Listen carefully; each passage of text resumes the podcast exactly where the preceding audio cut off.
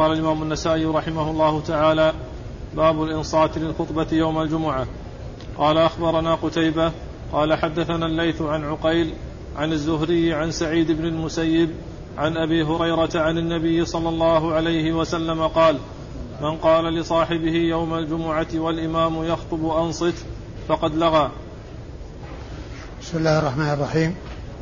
الحمد لله رب العالمين وصلى الله وسلم وبارك على عبده ورسوله نبينا محمد وعلى آله وأصحابه أجمعين. أما بعد يقول النسائي رحمه الله باب الأمر بالإنصات. باب الإنصات للخطبة يعني. باب الإنصات والإمام يخطب يوم الجمعة. أورد النسائي في حديث أبي هريرة رضي الله تعالى عنه أن النبي عليه الصلاة والسلام قال ان أن النبي عليه الصلاة والسلام قال إذا قلت لصاحبك والإمام يخطب يوم الجمعة. أنصت. إذا إذا إذا قال إذا قال الرجل من قال لصاحبه من قال لصاحبه يوم الجمعة والإمام يخطب أنصت فقد لغى.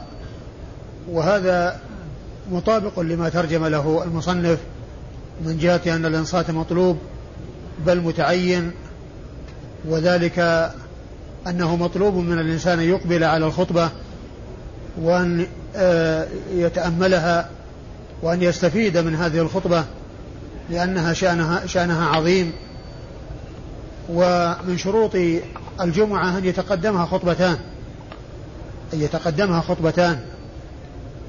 والخطبتان مطلوب من المصلي أن آه، ينصت وأن يقبل على الخطبة وأن يستوعبها وأن يستفيد من هذه الخطبة. ففيه التحذير من التكلم بأي كلمة والإمام يخطب لا يخاطب غيره من الناس ولا يتحدث مع أحد بل لو حصل من صاحبه أو ممن هو حوله أنه حصل منه آه، شيء من الكلام والحديث لا يتكلم معه ويقول له أنصت وإنما آه، عليه أن يمسك عن ذلك ويكون مقبلا على خطبته. وهذا بخلاف الإمام إذا كان الخطيب فإنه يجوز أن يكلم الناس وأن يكلمه الناس. يجوز الخطيب أن يكلمه الناس وأن يتكلم وأن يتكلم هو مع الناس. وقد مر مر بنا بعض الأحاديث الدالة على هذا مثل قصة الرجل الذي قال دخل والنبي عليه الصلاة والسلام يخطب فقال له أصليت ركعتين؟ قال لا. قال قم فاركع. فحصل الكلام من الرسول صلى الله عليه وسلم وهو على المنبر ومن ذلك الشخص الذي هو أحد الحاضرين. فالكلام مع الإمام ومن الإمام مع الخطيب ومن الخطيب لا بأس به. وأما الكلام من الناس بعضهم مع بعض فإن ذلك لا يسوغ ولا يجوز. وفيه هذا يعني هذا التحذير والترهيب وأن من حصل منه ذلك فقد لغى. وقد جاء في بعض الروايات ومن لغى فلا جمعة له. ومعنى هذا أنه يفوته أجر الجمعة وأجر فضيلة الجمعة وإن كان حصل منه أداء الفرض لا يقال أنه يعيد الصلاة أو أن صلاته ليست بصحيحة أو أنه ما أدى الصلاة في المكتوبة أدى الصلاة ولكنه فاته فضيلة الجمعة وثوابها العظيم وأجرها الجزيل الذي جاء بيانه في أحاديث عن رسول الله صلوات الله وسلامه وبركاته عليه. آه، وأما إسناد ثم الحديث فيه شيئان. فيه أن أن هذا يوم الجمعة وكون الإمام يخطب. يعني يفيد أن هذا هذا التحذير أو هذا الذي فيه آه، آه، أنه قد لغى فيما إذا كان يوم الجمعة وكان في حال خطبة الإمام. فإذا كان في غير يوم الجمعة خطبة في غير يوم الجمعة ليس لها مثل يعني خطبة الجمعة. لا يقال ان أن من حصل منه الكلام في غير خطبة الجمعة أنه مثل الجمعة بل إنه يختلف الأمر. ثم أيضا آه، آه، الأمر مقيد بكون الإمام يخطب. فلو كان بين السج... بين بين الخطبتين أو كان قبل أن يبدأ بالخطبة فإن ذلك لا لا, لا يمنع منه. ولا يمنع الكلام وإنما الكلام في حال خطبة الإمام. والمقصود من ذلك الإنصات والإقبال على الخطبة وكل إنسان يستوعبها ويستفيد منها لأن شأن الخطبة أي خطبة الجمعة عظيم. وأما إسناد الحديث فيقول النسائي أخبرنا قتيبة. قتيبة هو ابن سعيد بن جميل ابن طريف البغلاني وبغلان قرية من قرى من قرى بلخ وهو ثقة ثبت أخرج له أصحاب الكتب الستة عن الليث. عن الليث. والليث هو بن سعد. المصري ثقة فقيه إمام مشهور. هو فقيه مصر ومحدثها وحديثه أخرجه أصحاب الكتب الستة. عن عقيل. عن عقيل بن خالد بن عقيل الأيلي المصري. و واسمه عقيل بالتصغير واسم جده عقيل. وهو آه، ثقة أخرج حديثه أصحاب الكتب الستة. وعقيل وعقيل هذه آه، آه، يعني مثل هذا يعتبر من المؤتلف والمختلف. المؤتلف والمختلف. وهو ما تتفق الألفاظ ما تتفق الألفاظ من حيث الكتابة ولكنها تختلف من حيث النطق لأن عقيل وعقيل لفظها واحد من حيث الرسم والكتابة لكن الفرق بينها بالشكل. الحروف هي الحروف والفرق بينها بالشكل. عقيل عقيل وعقيل. فاسمه مصغر و يعني عقيل واسم جده عقيل بفتح العين وكسر القاف. وحديثه عند أصحاب الكتب الستة. عن الزهري. عن الزهري وهو محمد بن مسلم ابن عبيد الله بن عبد الله بن شهاب ابن عبد الله بن الحارث بن زهرة بن كلاب. ثقة فقيه مشهور من صغار التابعين. آه كلفه عمر بن عبد العزيز رحمة الله عليه في زمن خلافته بجمع السنة وقال فيه السيوطي في الألفية. أول جامع الحديث والأثر ابن شهاب آمر له عمر وحديثه عند أصحاب الكتب الستة. عن سعيد وهو ابن المسيب آه ثقة فقيه من ثقات التابعين ومن فقهاء المدينة السبعة في عصر التابعين وهو محدث فقيه وإمام مشهور وهو أحد الفقهاء السبعة في المدينة وهم عبد الله بن عبيد الله بن عبد الله بن عتبة بن مسعود وسعيد بن المسيب وخارجة بن زيد بن ثابت والقاسم بن محمد بن أبي بكر الصديق وعروة بن الزبير بن العوام وسليمان بن يسار. هؤلاء ستة متفق على عدهم في الفقهاء السبعة والسابع منهم فيه ثلاث أقوال. قيل أبو سلمة بن عبد الرحمن بن عوف وقيل أبو بكر بن عبد الرحمن بن الحارث بن هشام وقيل سالم بن عبد الله بن عمر بن الخطاب. يروي سعيد بن المسيب عن أبي هريرة وأبو هريرة هو عبد الرحمن بن صخر الدوسي صاحب رسول الله عليه الصلاة والسلام وأكثر الصحابة على الإطلاق حديثا والسبعة وقد عرف سبعة من أصحاب الرسول صلى الله عليه وسلم بكثرة الحديث عنه وأكثر هؤلاء السبعة أبو هريرة. وهم أبو هريرة وابن عمر وابن عباس وجابر بن عبد الله الأنصاري وأبو سعيد الخدري وأنس بن مالك وأم المؤمنين عائشة رضي الله تعالى عن الجميع. فهؤلاء سبعة اشتهروا بكثرة الحديث عن رسول الله عليه الصلاة والسلام وأكثر هؤلاء السبعة أبو هريرة رضي الله تعالى عنه. قال رحمه الله تعالى أخبرنا عبد الملك بن شعيب بن الليث بن سعد قال حدثني أبي عن جدي قال حدثني عقيل عن ابن شهاب عن عمر بن عبد العزيز عن عبد الله بن إبراهيم بن قارض وعن سعيد بن المسيب أنهما حدثاه أن أبا هريرة رضي الله تعالى عنه قال سمعت رسول الله صلى الله عليه وسلم يقول إذا قلت لصاحبك أنصت يوم الجمعة والإمام يخطب فقد لغوت. ثم أورد النسائي هذا الحديث من طريق أخرى وهو بمعنى الذي قبله. يقول فيه النبي عليه الصلاة والسلام إذا قلت لصاحبك يوم الجمعة والإمام يخطب أنصت فقد لغوت. أنصت فقد لغوت.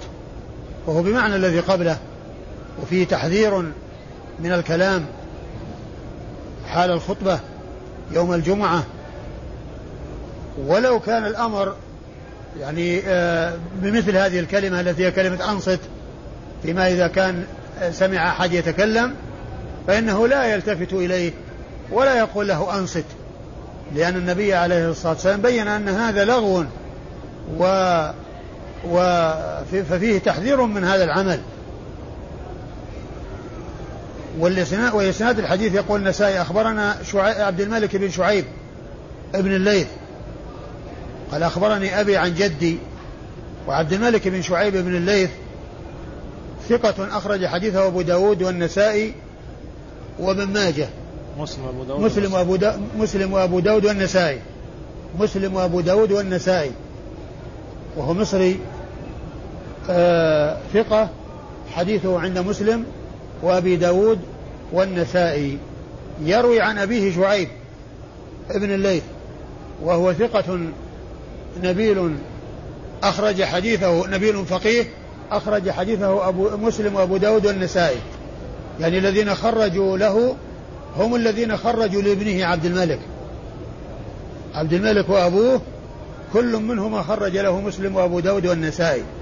مسلم وأبو داود والنسائي عن جده الليث بن سعد. وهو ثقة ثبت فقيه إمام مشهور حديثه عند أصحاب الكتب الستة. وهذا الحديث هذا الإسناد من رواية الأبناء عن الآباء عن الأجداد. رواية الأبناء عن الآباء عن الأجداد. و يعني فهي يكون فيها الراوي يروي عن أبيه وأبوه يروي عن جده. وأبوه يروي عن جده. وقد يكون الجد هو جد الراوي نفسه كما هنا فإن عبد الملك يروي عن شعيب وشعيب يروي عن الليث والليث هو جد عبد الملك. وقد يكون الجد هو جد الأب مثل رواية عمرو بن شعيب عن أبيه عن جده. رواية عمرو بن شعيب عن أبيه عن جده فإن الصحيح فيها أن الجد هو جد شعيب وهو جد عمرو ولكنه ليس جده المباشر لأن عمرو عمرو بن شعيب بن محمد ابن عمرو. فالرواية يعني رواية الابن عن الأب والأب عن جده والأب عن جده أي جد الأب وليس جد الإبن. فهذه من رواية الأبناء عن الآباء. وقد تكون الإبن يروي عن أبيه والأب يروي عن أبيه. يعني مثل ما هنا وقد يكون آه، رواية أب عن جد ابن عن أب عن جد ولكن الجد ليس هو الجد المباشر وإنما هو جد الأب مثل رواية عمرو بن شعيب عن أبيه عن جده. آه عن عقيل الليث بن سعد يروي عن عقيل وقد مر ذكره قريبا عن الزهري وقد مر ذكره يروي الزهري عن عبد الله بن إبراهيم بن قارض. عن عمر بن عبد العزيز. نعم عن عمر بن عبد العزيز. الزهري يروي عن عمر بن عبد العزيز. وعمر بن عبد العزيز هو عبد عمر بن عبد العزيز بن مروان بن الحكم الأموي الخليفة يعد من الخلفاء الراشدين وهو مشهور بفضله وزهده وورعه وأيضا هو محدث وفقيه. فيأتي ذكره في مسائل الفقه يقال قال فيها عمر بن عبد العزيز ويأتي ذكره في الأسانيد يقول يقال حدثني عمر بن عبد العزيز كما هنا كما هنا. ول وقد ألف بعض العلماء مؤلفا في مسند عمر بن عبد العزيز. مسند عمر بن عبد العزيز يعني الأحاديث التي يرويها عمر بن عبد العزيز ألف فيها جزء يقال له مسند عمر بن عبد العزيز. وهذا الرجل الذي اشتهر بالعلم فقها وحديثا وتولى الخلافة سنتين ونصف وكان فيها على سيرة حسنة وعلى طريقة سليمة ومشهور بالعدل والفضل والنبل. عمره لما توفي أربعون سنة وهو ليس من المعمرين يعني عمره قصير. ولكن مع ذلك يعني آه، آآ آه، بلغ ما بلغ من العلم والفضل وولي الخلافة فصار مشهورا في فضله وفي عدله وفي قيامه بالخلافة على وجه مرضي. وعمره أربعون سنة توفي وعمره أربعون سنة رحمة الله عليه. وهو محدث فقيه. وحديثه أخرجه أصحاب الكتب الستة. حديثه أخرجه أصحاب الكتب الستة. عن عبد الله بن إبراهيم بن قارض وسعيد المسيب. عن أبي هريرة. وقد مر ذكر سعيد وأبي هريرة. أما عبد الله بن إبراهيم بن قارض فيقال فيه أيضا إبراهيم ابن عبد الله ابن قارض يعني بالعكس بالقلب. وقال الحافظ بن حجر وهم من اعتبرهما اثنين يعني إبراهيم بن عبد الله بن قارض شخص وعبد الله بن إبراهيم ابن قارض شخص وإنما هو شخص واحد يأتي آه، آه، الاسم فيه تقديم وتأخير فيقال عبد الله بن إبراهيم بن قارض ويقال إبراهيم بن عبد الله بن قارض وهو صدوق أخرج حديثه؟ صدوق أخرج حديثه من؟ البخاري في الأدب ومسلم وأبو داود والنسائي وابن ماجه. البخاري في الأدب والأدب المفرد ومسلم وأبو داود ومسلم وأبو داود والنسائي وابن ماجه. يعني ما خرج له الترمذي ولا البخاري في الصحيح وإنما خرج له في الأدب المفرد.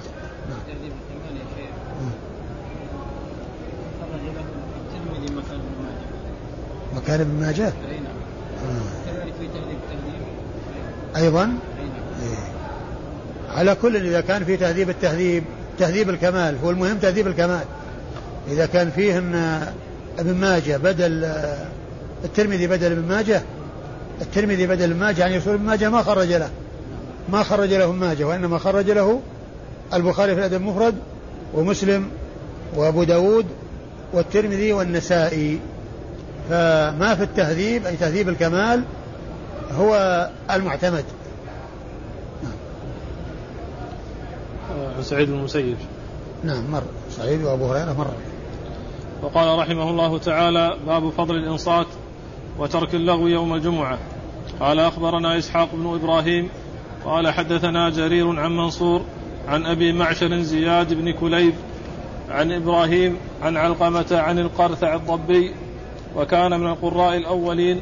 عن سلمان قال قال, قال لي رسول الله صلى الله عليه وسلم ما من رجل يتطهر يوم الجمعة كما أمر ثم يخرج من بيته حتى يأتي الجمعة وينصت حتى يقضي صلاته إلا كان كفارة لما قبله من الجمعة. ثم ورد النسائي هذا الترجمة وهي فضل الإنصات؟ آه فضل الإنصات وترك اللغو يوم الجمعة؟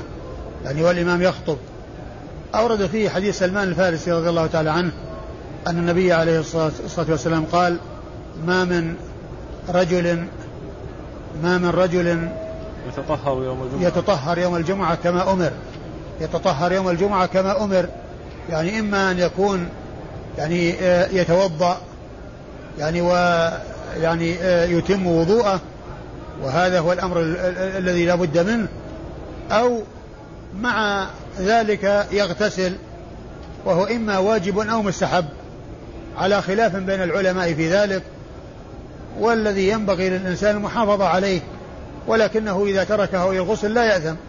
فقوله كما أمر إما يحتمل أن يكون المراد به يعني الوضوء الذي لا بد منه أو يراد به الوضوء مع الغسل الذي هو مندوب متأكد أو واجب على خلاف بين العلماء في ذلك. آه ما من مسلم يتطهر كما أمر. ما من رجل ما من رجل يتطهر يوم الجمعة كما أمر أيوة. ثم يخرج من بيته حتى يأتي الجمعة. أيوة. وينصت حتى يقضي صلاته. إلا كان كفارة لما قبله من الجمعة. ما من رجل يتطهر يوم الجمعة كما أمر ثم يخرج إلى ثم يخرج من بيته حتى يخرج من بيته حتى فينصت حتى يقضي الإمام صلاته إلا كان كفارة له كفارة لما قبله من الجمعة. كفارة له من كفارة لما قبله من الجمعة يعني من الجمعة إلى الجمعة. يعني من هذه الجمعة إلى الجمعة التي قبلها يكفر ذلك آه هذا العمل الذي عمله. وقد جاء في حديث آخر الجمعة إلى الجمعة ورمضان إلى رمضان كفارة لما بينهن ما بينه ما اجتنبت الكبائر. كفارة لما بينها ما اجتنبت الكبائر. والمقصود بذلك تكفير الصغائر. وأما الكبائر فإنها تحتاج إلى توبة. فإنها تحتاج إلى توبة. ولهذا قال النبي عليه الصلاة والسلام في الحديث ما اجتنبت الكبائر. فيكون كفارة للصغائر. ويكون ذلك كفارة للصغائر. والحسنات تذهب السيئات. والسيئات التي تذهبها الحسنات هي الصغائر. وأما الكبائر فإنها تذهبها التوبة النصوح الصادقة التي التي تجب ما قبلها وتقضي على ما قبلها. وكأن الإنسان لم يحصل منه ذنب بعد أن يتوب توبة نصوحا تجب ما قبلها. أيوه. إسحاق بن إبراهيم. النسائي يقول أخبرنا إسحاق بن إبراهيم. وإسحاق بن إبراهيم هو بن مخلد ابن راهوية الحنظلي المروزي وهو ثقة إمام مجتهد فقيه وصف بأنه أمير المؤمنين في الحديث وهو مشهور بالفقه كما أنه مشهور في الحديث وقد أخرج حديثه أصحاب الكتب الستة إلا من ماجه أخرج حديثه أصحاب الكتب الستة إلا ابن ماجه. والنسائي يروي عن شيوخ عدة آه كل منهم يقال له إسحاق بن إبراهيم. كل منهم يقال له إسحاق بن إبراهيم. لكن معرفة آه من هو الشخص المراد؟ يمكن ذلك كما ذكرت من قبل بالرجوع إلى طرق الحديث. إذا كان له طرق فقد يكون يسمى في بعض الطرق فيكون آه، إهماله في بعض الطرق. يتبين المراد من الطرق الأخرى التي صار فيها إيضاحه وبيان نسبته أو أنه ينظر في الشيوخ. يعني شيوخ آه الذين روى عنهم إسحاق بن إبراهيم الشيخ الذي روى عنه إسحاق بن إبراهيم. وهنا جرير جرير بن عبد الحميد. وفي ترجمة جرير بن عبد الحميد في تهذيب الكمال ما روى عنه من يسمى إسحاق بن إبراهيم إلا ابن راهوية. الذي روى عنه إسحاق بن إبراهيم ابن راهوية. الآخرين الذين هم غير إسحاق بن راهوية ما روى ما رووا عن جرير ما رووا عن جرير بن عبد الحميد. فيكون هذا من الطرق أو هذه من الطرق التي يميز بها الشخص عن غيره ويعرف بها وذلك بمعرفة الشيخ الذي روى عنه فينظر من روى عنه من الذين يسمون بهذا الاسم إسحاق بن إبراهيم فتبين من تهذيب الكمال أن الذي روى عنه أن الذي روى عنه وهو إسحاق بن إبراهيم هو ابن راهوية. ولم ولم يذكر غيره روى عنه ممن يوافقه بهذا الاسم الذي هو إسحاق بن إبراهيم. آه، أما جرير ابن عبد الح... الذي يروي عنه آه، يروي عنه إسحاق بن إبراهيم وهو جرير بن عبد الحميد. جرير ابن عبد الحميد الضبي الكوفي وهو ثقة صحيح الكتاب أخرج حديثه أصحاب الكتب الستة. وهناك جرير شخص آخر وهو جرير بن حازم وهو فوقه أقدم منه في الطبقة وأعلى منه. ولكن الذي الذي هو من طبقة شيوخ شيوخ أصحاب الكتب الستة هو جرير بن عبد الحميد. عن منصور.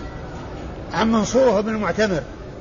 الكوفي منصور بن المعتمر الكوفي وهو ثقة من طبقة الأعمش وهو وحديثه عند أصحاب الكتب الستة. عن أبي معشر. عن أبي معشر زياد بن كليب. عن أبي معشر زياد بن كليب وهو صدوق. وهو ثقة. وثقة أخرج له من؟ مسلم وأبو داود والنسائي والترمذي والنسائي. مسلم وأبو داود والترمذي والنسائي. وأبو معشر زياد بن كليب ثقة أخرج له مسلم وأبو داود والترمذي والنسائي. عن إبراهيم. عن إبراهيم وهو بن يزيد بن قيس النخعي الكوفي. إبراهيم بن يزيد بن قيس النخعي الكوفي ثقة فقيه أخرج حديثه أصحاب الكتب الستة. وهو الذي اشتهر عنه في مسائل الفقه آه التعبير عن الحيوانات التي لا دم فيها بأنه لا نفس لها سائلة. التعبير بهذه العبارة قول ما لا نفس له سائلة لا ينجس الماء إذا مات فيه. ذكر ابن القيم في أول ذكر ابن القيم في كتاب زاد المعاد أن أول من عرف عنه أنه عبر بهذه العبارة فقال ما لا نفس له سائلة إبراهيم النخعي.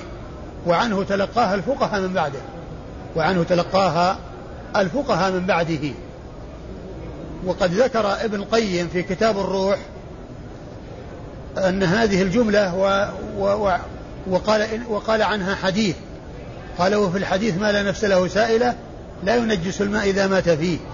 وفي الحديث ما لا نفس له سائلة لا ينجس الماء إذا مات فيه. هذا في كتاب الروح.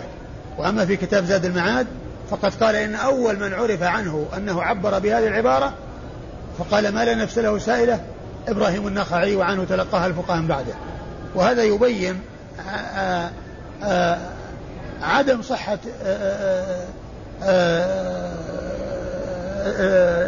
كون هذا حديث كما ذكره في الروح. ولعل هذا مما يوضح أن كتاب الروح كان متقدما وكان فيه أشياء يعني مثل هذا يعني ليست محققة كما هو موجود في كتبه المتأخرة التي فيها التحقيق وفيها التقعيد. فتأليفه الروح أو كتاب الروح آه، لعله متقدم ولهذا صار فيه مثل هذا الخطأ وصار فيه أيضا أمور أخرى يعني مثل حكاية المنامات والإكثار من ذكر المنامات وما إلى ذلك مما هو غير معهود في كتب ابن القيم. فهذا يشعر بأنه متقدم يشعر بأنه متقدم وأن كلمة ما لا نفس له سائلة آه، آه، التعبير عنها جديد. ولم يكن من كلام الرسول صلى الله عليه وسلم. آه نعم. عن علقمة. وحديثه أخرجه أصحاب الكتب الستة. عن علقمة ابن قيس ابن يزيد النخعي الكوفي وهو ثقة ثبت فقيه عابد أخرج حديثه أصحاب الكتب الستة. عن عن القرثع الضبي. عن القرثع الضبي والكوفي وهو صدوق أخرج له الترمذي في الشمائل. أبو داود والترمذي في الشمائل والنسائي بن ماجه. أخرج له أبو داود والترمذي في الشمائل والنسائي وابن ماجه. أيوة. عن سلمان. عن سلمان الفارسي صاحب رسول الله صلوات الله وسلامه وبركاته عليه وحديثه عند أصحاب الكتب الستة. وسلمان آه، من فارس ولكن رفعه الإسلام ورفع من شأنه الإسلام وصحبة الرسول الكريم صلى الله عليه وسلم. ولهذا يقول الشاعر آآ آآ لعمرك ما الإنسان لعمرك ما الإنسان إلا بدينه فلا تترك التقوى اتكالا على النسب. فقد رفع الإسلام سلمان فارس ووضع الشرك النسيب أبا لهب ووضع الشرك النسيب أبا لهب. أبو لهب نسبه شريف. هو عم الرسول صلى الله عليه وسلم. ولكن لما كان لم يوفق للإسلام ولم يكن من أهل الإسلام ما ما نفعه نسبه بل الشرك وضعه. وأما سلمان الفارسي فقد رفعه الإسلام. لعمرك ما الإنسان إلا بدينه فلا تترك التقوى اتكالا على النسب. فقد رفع الإسلام سلمان فارس ووضع الشرك النسيب أبا لهب. والرسول عليه الصلاة والسلام قبل ذلك يقول ومن بطأ به عمله لم يسرع به نسبه. كما جاء في حديث أبي هريرة في صحيح مسلم ومن بطأ به عمله لم يسرع به نسبه. يعني الذي يؤخره عمله عن دخول الجنة ليس نسبه هو الذي يسرع به إليها.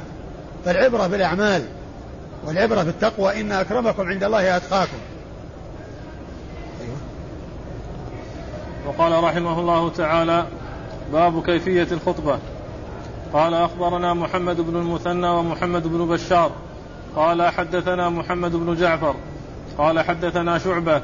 قال سمعت أبا إسحاق يحدث عن أبي عبيدة عن عبد الله عن النبي صلى الله عليه وسلم قال علمنا خطبة الحاجة. الحمد لله نستعينه ونستغفره. ونعوذ بالله من شرور أنفسنا وسيئات أعمالنا.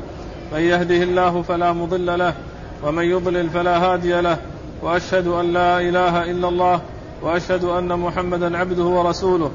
ثم يقرأ ثلاث آيات. يا أيها الذين آمنوا اتقوا الله حق تقاته ولا تموتن إلا وأنتم مسلمون. يا أيها الناس اتقوا ربكم الذي خلقكم من نفس واحدة وخلق منها زوجها وبث منهما رجالا كثيرا ونساء واتقوا الله الذي تساءلون به والأرحام. إن الله كان عليكم رقيبا. يا أيها الذين آمنوا اتقوا الله وقولوا قولا سديدا. قال أبو عبد الرحمن أبو عبيدة لم يسمع من أبيه شيئا. ولا عبد الرحمن بن عبد الله بن مسعود ولا عبد الجبار بن وائل بن حجر.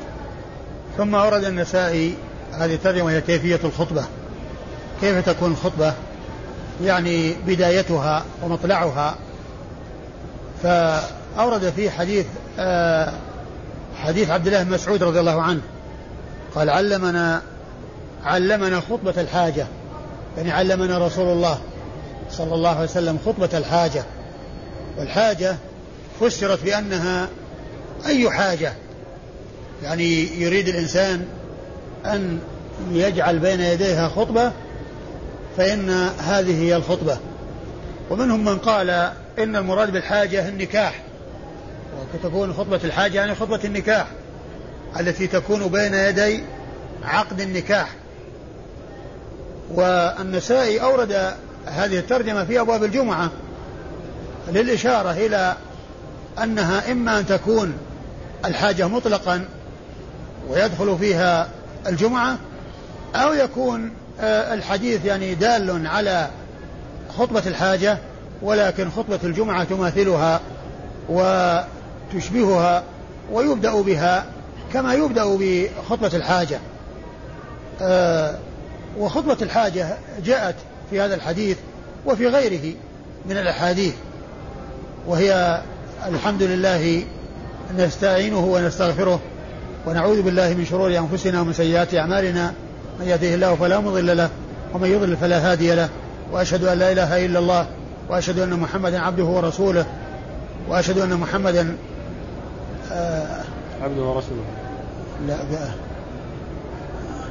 آه ونعوذ بالله ونعوذ بالله من شرور أنفسنا ومن سيئات أعمالنا من يهده الله فلا مضل له ومن يضلل فلا هادي له وأشهد أن لا إله إلا الله وأشهد أن محمدا عبده ورسوله. ثم يقرأ ثلاث آيات آه أول سورة أو آية من سورة آل عمران وهي يا أيها الذين اتقوا الله حق تقاته ولا تموتن إلا وأنتم مسلمون ومطلع سورة النساء والآية في آخر سورة الأحزاب يا أيها الذين يا أيها الذين اتقوا الله يا أيها الذين اتقوا الله وقولوا قولا سديدا. يقرأ هذه الثلاث الآيات. آه، آه، والحديث من رواية أبي عبيدة عن أبيه. وقد قال النسائي عقب ذلك أبو عبيدة لم يسمع من أبيه شيئا وعلى هذا فهو منقطع يعني مرسل روايته عن أبيه مرسلة لأنه لم يسمع منه. لكن الحديث جاء من طرق أخرى عن عبد الله بن مسعود وعن آه، صحابة آخرين وهو صحيح بمجموعة بمجموعة تلك الطرق والشيخ الألباني ألف فيه رسالة خاصة جمع فيها طرق الحديث وما قيل في تلك الطرق. وهي بمجموعها آه، يكون الحديث بها صحيحا. وأما الحديث من هذه الطريق وحدها فهو لا يصح لأنه منقطع لكنه بمجموع الطرق الأخرى يكون صحيحا وتكون خطوة الحاجة ثابتة بالطرق المختلفة عن عبد الله بن مسعود وعن غيره من أصحاب رسول الله صلى الله عليه وسلم. والنسائي قال في آخر الحديث قال أبو عبد الرحمن كلمة قال أبو عبد الرحمن هذه يحتمل أن تكون هي من آه ابن ماجه من النسائي نفسه. يقول عن نفسه قال أبو عبد الرحمن. قال أبو عبد الرحمن يعني يذكر نفسه بالكنية. يذكر نفسه بالكنية. ويحتمل أن يكون غيره هو الذي قال قال أبو عبد الرحمن لكن الغالب أنه هو الذي قالها. وهذه الطريقة مشهورة عند المغاربة أنه عندما يريد الإنسان أن يتكلم كلام يعلق فيه على شيء أو ينبه فيه على شيء أو يأتي بكلام من عنده يميزه عن غيره يقول قال أبو فلان. يعني وهذا مشهور عند المغاربة كثيرا. وأيضا يوجد عند المشارقة. يعني مثل آه، الترمذي كثيرا ما يقول قال أبو عيسى عندما يريد أن يتكلم على بعض الأحاديث وكذلك النسائي يقول قال أبو عبد الرحمن لكن الغالب على المشارقة أنهم يقولون قلت قلت وفيهم من يقول قال أبو فلان كما يعني آه، هو موجود في صنيع الترمذي آه، الترمذي قال أبو عيسى وكما هو موجود في صنيع أبي, أبي عبد الرحمن النسائي حيث يقول قال أبو عبد الرحمن. ثم إنه لما ذكر هذه الفائدة وهي أن أبو عبيد أن أبا عبيدة لم يسمع من أبيه أضاف إليها بالمناسبة فائدتين وهي أن أيضا عبد الرحمن بن عبد الله بن مسعود لم يسمع من أبيه وأبو وعبد الجبار بن وائل بن حجر لم يسمع من أبيه يعني لم يسمع من أبيه أي من أبيه عبد وائل بن حجر وقد مر بنا هذا وأن الصحيح والأرجح أنه لم يسمع من أبيه بخلاف أخيه علقمة أخي أخيه عبد علقمة آه، فإنه سمع من أبيه. علقمة بن عبد الجبار آه، علقمة بن وائل. فإنه سمع من أبيه. فالنسائي بها بمناسبة رواية أبي عبيدة عن أبيه وذكر الفائدة أضاف إليها أيضا فائدتين وهي أن عبد الرحمن أيضا لم يسمع من أبيه اللي هو أخوه وأيضا أبو آآ آآ عبد الجبار بن وائل بن حجر. وإسناد الحديث يقول النسائي أخبرنا محمد بن المثنى ومحمد بن بشار. أخبرنا محمد بن المثنى ومحمد بن بشار. محمد بن المثنى هو العنزي أبو موسى الملقب الزمن وهو بصري ثقة ثبت أخرج حديثه وأصحاب الكتب الستة.